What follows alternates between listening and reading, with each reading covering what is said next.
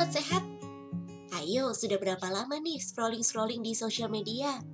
Tanpa sadar, terlalu lama berada di depan layar akan mempengaruhi suasana hati dan fokus kita loh. Dan pernahkah Anda melakukan digital detox? Apa itu digital detox?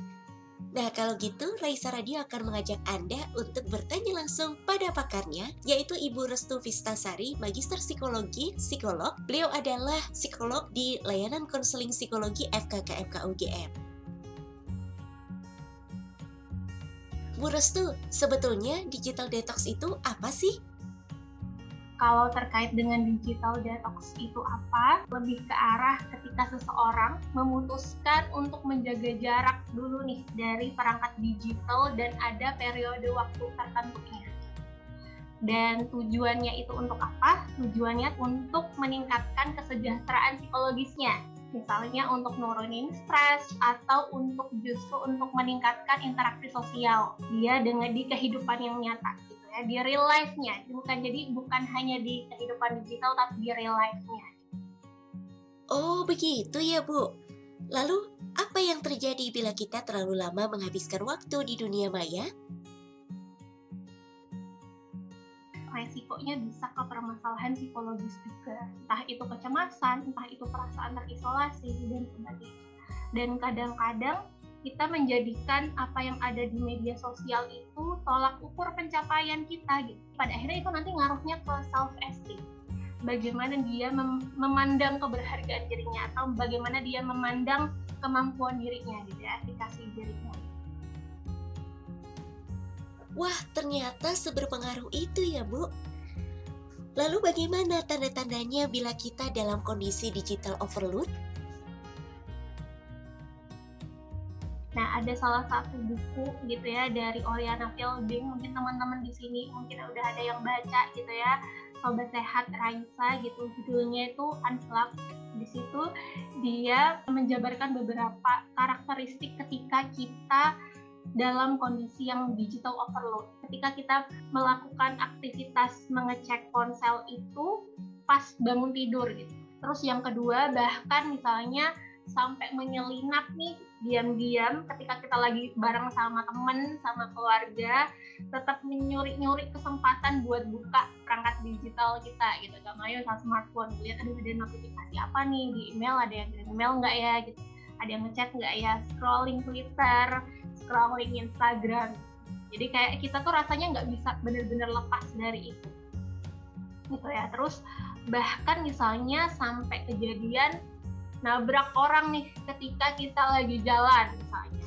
Atau lagi berkendara karena kita sibuk sama perangkat digital kita. Jadi kayak kita tuh nggak aware.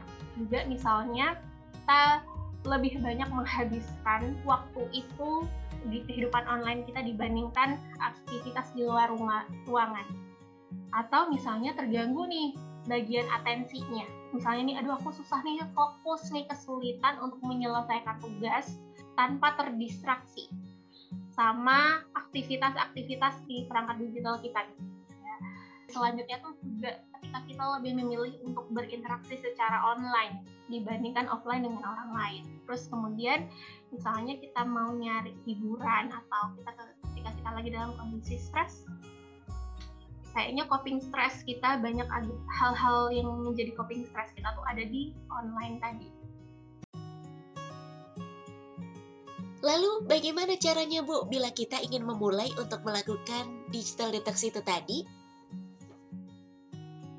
Hal yang perlu kita lakukan adalah kita perlu tahu dulu alasan kenapa aku harus ngelakuin ini.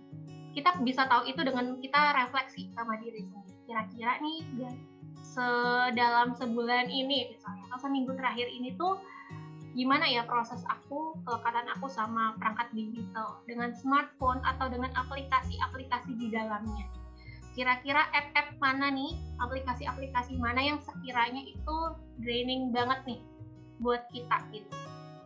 Dan kita jadi tahu bahwa ketika aku ngelakuin ini, yang aku harapin dan aku dapat untuk aku dapetin itu apa.